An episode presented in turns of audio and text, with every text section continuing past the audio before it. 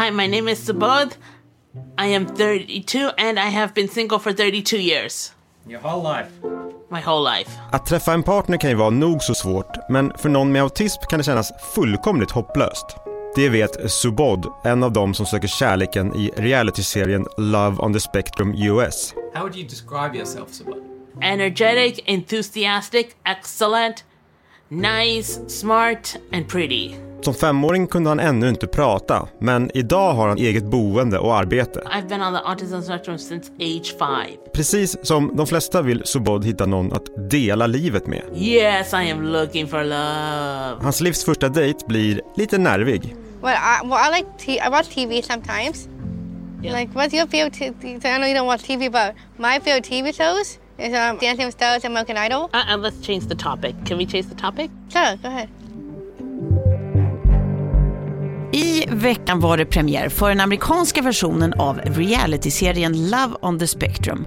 Vi har tidigare fått följa australiensare på autismspektrat i deras jakt på kärlek. Och nu är det alltså amerikanernas tur att kasta sig ut på dejtingscenen med hela världen som publik. Men är det cynism och kanalbranding som ligger bakom satsningen på mer inkluderande TV? Eller har TV-världen blivit woke? På lite mer än en kvart reder vi ut de frågor som uppstår kring diagnosrepresentation i underhållning och ställer oss frågan, är det trendigt med diagnos-TV? Idag är det lördag den 21 maj och vi som är med dig heter Elias Björkman Och jag heter Tove Nordström. och det här det är Dagens Story TV-kollen från Svenska Dagbladet.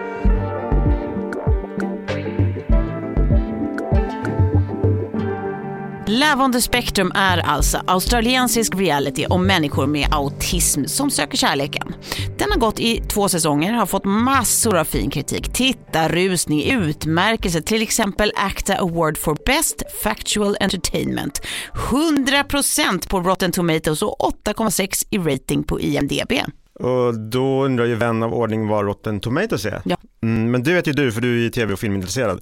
Det är en av mina favoritsajter. Den här sammanställs ju recensioner och så räknas ett snittbetyg ut. Just Helt det. enkelt. Det är väldigt praktiskt. Och deras tv-kalendarium är guld värt. Men vill man vara nördig kan man säga att det beror också på vilka kritiker som har recenserat. Så du säger att det är 100% på första säsongen av Love on the Spectrum. Just det. Men det är också tre toppkritiker bara som har recenserat den, vilket är ganska, det blir lite skralt urval så att säga.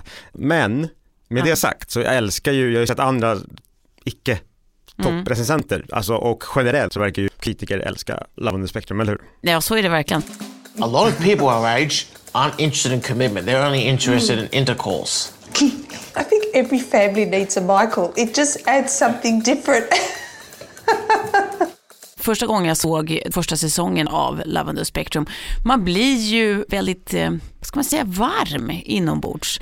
Alltså den liksom anspelar ju på så urmänskliga, liksom, vad ska man säga, önskemål och krafter och tankar och känslor så att det är svårt att inte relatera på något plan. Liksom. Och det blir ju också som att det är befriat från så mycket som vi liksom, vad ska man säga, neuronormativa håller på med. Liksom, där Det är lager vi lägger på medvetet eller omedvetet av liksom, hur vi ska uppfattas, anseende, ja, men saker som krånglar till både möten och dialoger och sånt som faktiskt eh, de här samtalen och mötena ofta är helt befriade från. Det är väldigt vackert. Mm, det är väldigt fint och jag har också känslan av när jag först såg det att det var, man värnar för de här människorna så mycket och det är inte så att man kanske tycker synd om dem men det här är människor som bara vill liksom försöka fungera i en, i en värld som för dem är jäkligt svår att Mm. att uppfatta så som andra gör och det är jäkligt svårt att förstå alla signaler och, Och hur man navigera, bör, ja, ja. navigera hur man, och det är som har sagt redan, det är ju för alla såklart att navigera i någon sorts kärleksdjungel men Amen brother!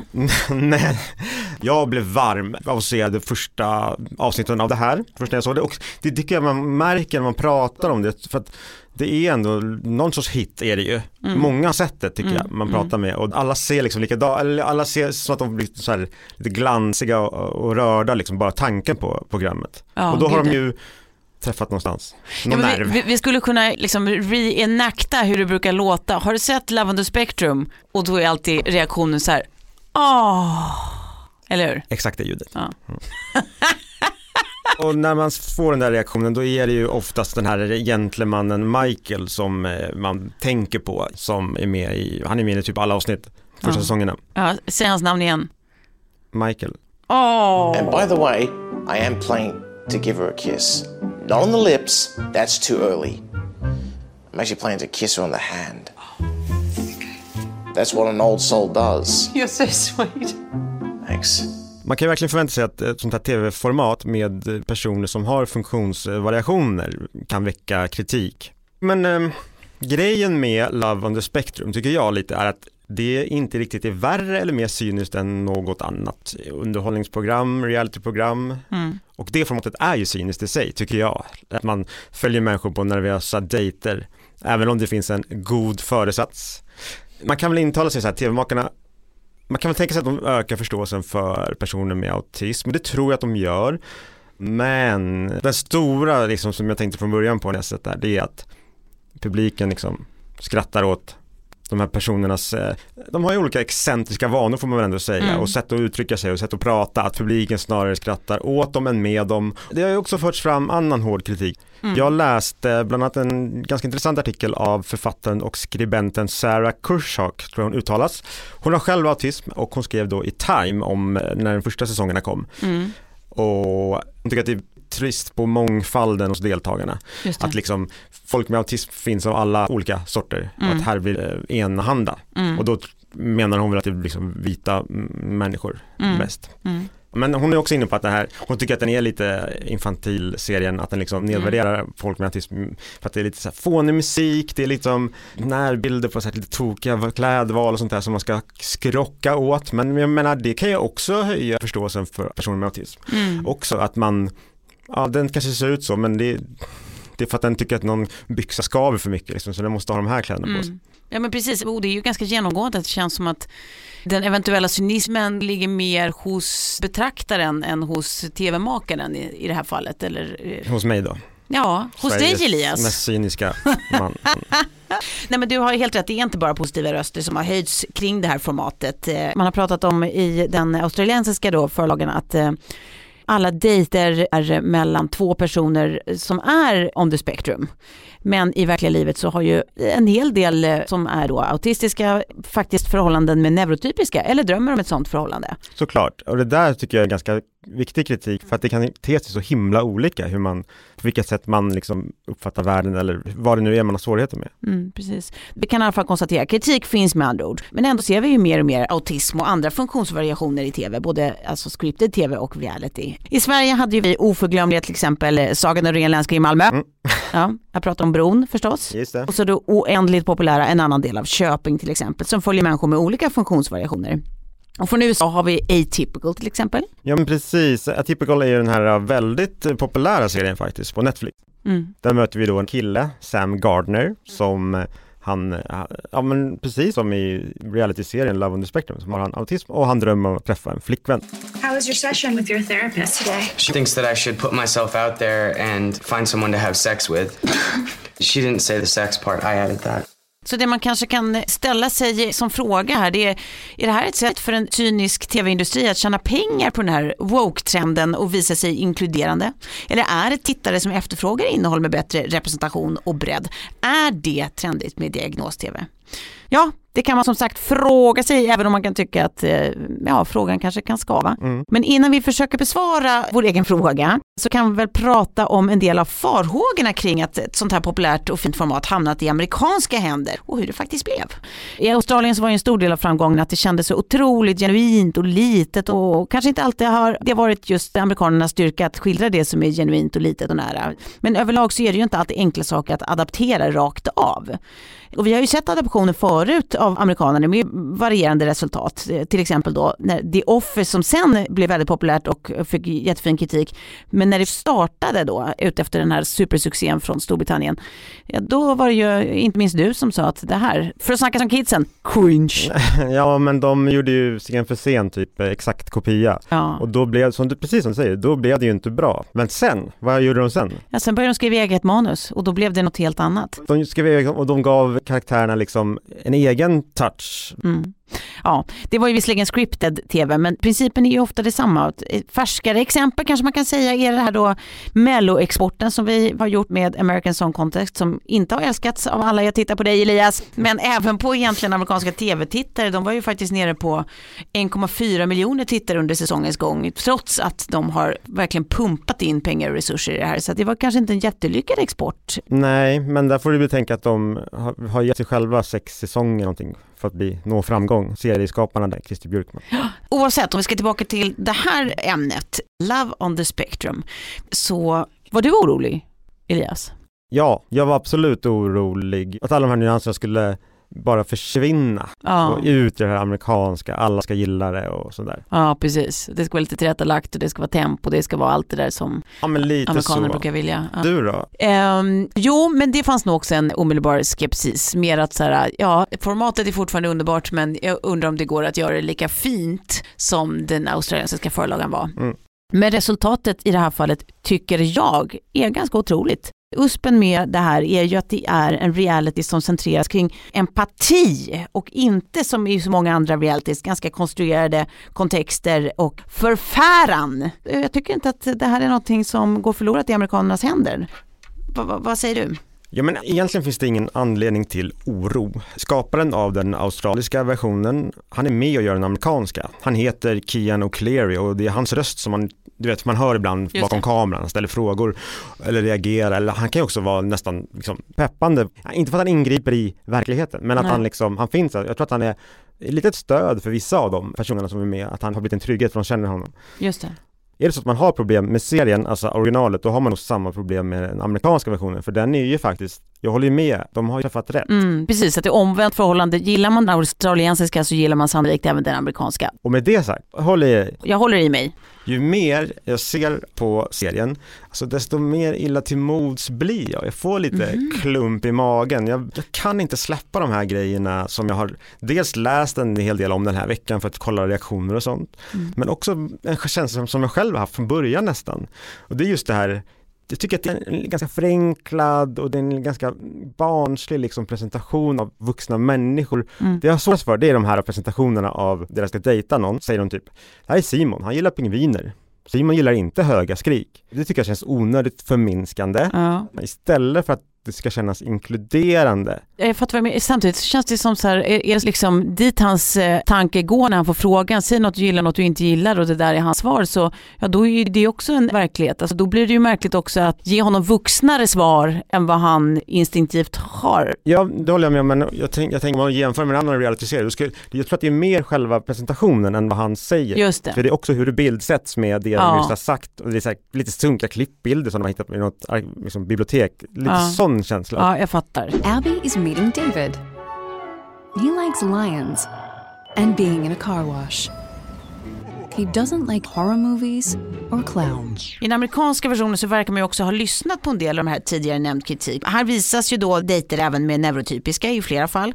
Och det innefattar också den problematik som man som autistisk eh, ofta kan uppleva gissar jag om man försöker knyta an till en neurotypisk. Det finns ett exempel då i den här serien där det är en tjej som vi följer som heter Caitlin som berättar om när hon gick på dejt med en neurotypisk och att han reser sig upp och lämnar dejten så fort hon berättar om sin diagnos. It's like a thing that you don't really move past super quickly. Like I don't know that I like was attached to him, you know, because it was a first date. But it's just kind of reiterates scary. why we don't disclose that information immediately. You know. Ja men alltså usch, så otroligt brutalt. Ja, men eh, jag håller med om det och det är nog därför det slår an en nerv hos typ alla som ser det som någonsin har varit på en dejt. Jag menar, det är ju en naturlig situation och det här var också en ganska intressant kritik jag läste om, eller en intressant analys liksom att en dejt i sig är onaturligt, tycker jag i alla fall. Det är ju det värsta man kan göra, gå på dejt. Ehm, och eh, då sitter man där Ja. och sen ska någon filma det, säg i de första reality-såporna om sånt här. Ja. Och sen ytterligare ett lager då på det att du kanske har en autismdiagnos. Ja. Och så blir det liksom, det blir många lager. Så en konstlad situation blir ännu mer konstlad. Ja, men det kom en tår, absolut. Det är ju för fint ibland så att, eh, Det här är alltså breaking news. Elias Björkman är ej gjord av sten. Alltså det var inte en tår på riktigt, det var lite, lite blött i ögat. Du fick något i ögat. Ja. Ja, så kan det vara. Men om vi då skulle landa i någon slags svar i, till den här frågan vi ställde oss i starten av den här episoden. Är det trendigt eller bara naturlig mänsklig evolution det här med att vi ser mer eh, diagnos-tv, som vi så slarvigt kallar det? Ja, diagnosen är ju vanligare, alltså inte att fler föds med autism utan att det är fler och fler som får en diagnos. Och därmed är det ju fullt möjligt att representationen även inom underhållning också har ökat. Att det görs amerikansk tappning nu, det skulle man kunna se som att det talar för att det är trendigt. Men när verklighetens människor i högre utsträckning önskar bättre representation så speglas slut, även om det ibland kan ta väldigt lång tid, även i tv-produktionen. Det här det gäller ju inte bara autism och andra diagnoser. Vi ser ju, äntligen får man väl lov att säga, en något eh, ökad representation av allt som inte bara är vit, manlig och normalfungerande medelklass i viss ålder. Liksom. Ja men det är värt att påpeka verkligen och eh, det speglar ju som du säger samhället i stort, Mm. verkligen. Och det kan ju vara en ganska tröttsam sak som folk tycker om att tjata om att alla får diagnoser nu. Men det är ju som du säger, det är ju blivit vanligare att kunskapsläget har ökat. Precis. Så det märks i populärkulturen och det märks i tv och film. Men det är också en annan sak som, som lyfts ofta, det är att det är så kallade högfungerande personer oftast. Precis. Som skildras i de här serierna och filmerna. Mm. Och högfungerande, där delar man ju i Sverige in personer med autism på tre olika nivåer. Och det som brukar lyftas är att kanske på nivå ett så kan de här autistiska dragen vara lite charmiga liksom, men du fungerar, alltså du är högfungerande, du bor själv och du arbetar och så vidare. Mm. Det här faktiskt skrev eh, historikern David Larsson Heidenblad, eh, han skrev det i en uppmärksammad text i SvD, om, Okej. om sin egen son Jakob som har Mm. lågfungerande autism och en intellektuell funktionsnedsättning. Och han skriver dessutom det i texten att just det här Alltså habilitering, Ja. korttidsboenden, förskolor, det får sällan uppmärksamhet. Det kanske inte heller är det roligaste att skildra i en tv-serie i och för sig, men Mm, ja, mm, du mm. vet. Nej men precis, och det kan man ju förstå att det väcker andra frågor om, men om det här får plats, varför har ni bara tagit det första steget på Mm. den stigen och inte steg 4 och 5 och 6 också? Men ett första steg måste ju tas. Liksom. Ett första steg för att komma till 4, 5 och 6, det, är så kan man ju tänka. det är väl lite så, där tror jag vi håller med varandra. Mm. Så att det, absolut att representationen och att det har ökat och om det är en trend eller inte, det, tycker inte jag är superintressant. Det intressanta är att det finns och förekommer. Exakt, men det är det jag tänker också. Svaret på om diagnos-tv är trendigt eller inte kanske helt enkelt är, spelar det ens någon roll? Om fler representeras och förståelse och anknytning och så vidare ökar så är det inte rätt kanon oavsett. Ja men verkligen, vad fint att vi kunde liksom landa där. Innan vi fäller in hovarna för idag Elias så har vi ju lite tips och lite antitips också i det vi har valt att kalla veckans binge veckans blä. Och det var ett binge-tipsna. Ja men jag ska fortsätta vara lite positiv här. Det finns nu samtliga tio avsnitt av New York-serien Life and Beth på Disney+. Det är en dramakomedi av Amy Schumer. Hon spelar Beth som inte är helt nöjd med hur livet har blivit. Men en traumatisk händelse, som det ju ofta är, Mm. sätter igång saker så att livet tar en ny riktning. Mm. Och vi ser också, i en ganska stor roll, Michael Cera med festlig eh, ansiktsbehåring. Michael Cera med festlig ansiktsbehåring. Jag har aldrig hört en bättre pitch. In och bingea direkt. Just det. Då är det jag som har på mig svart hatt den här veckan då. För veckans blä för mig är faktiskt eh, förtalsrättegången mellan Johnny Depp och hans exfru Amber Heard. Och då kanske du undrar, men är det ens TV? Men är det ens TV? Det är en jättebra fråga. Det är dock så vi väljer att konsumera den här rättegången. Som spännande liveunderhållning och det har ju gett upphov till en oändlig mängd memes och TikTok-klipp och journalistik och skvaller. Och här sitter jag i mitt lilla hus av glas och sular stora stenbumlingar för jag har också snackat. Och Det är ju så att alla ingredienser finns ju där. En charmig bad boy, en femme fatale, sex, otrohet, våld. Men vi glömmer liksom att i mitten av allt det här så står ju två vad det verkar otroligt trasiga personer som har haft en än mer trasig relation och deras familjemedlemmar. Och det är ju inte underhållning. Vi ska nog inte se det så helt enkelt. Nu är ju rättegången över och vi hoppas att detsamma gäller för Mimsfestivalen runt den.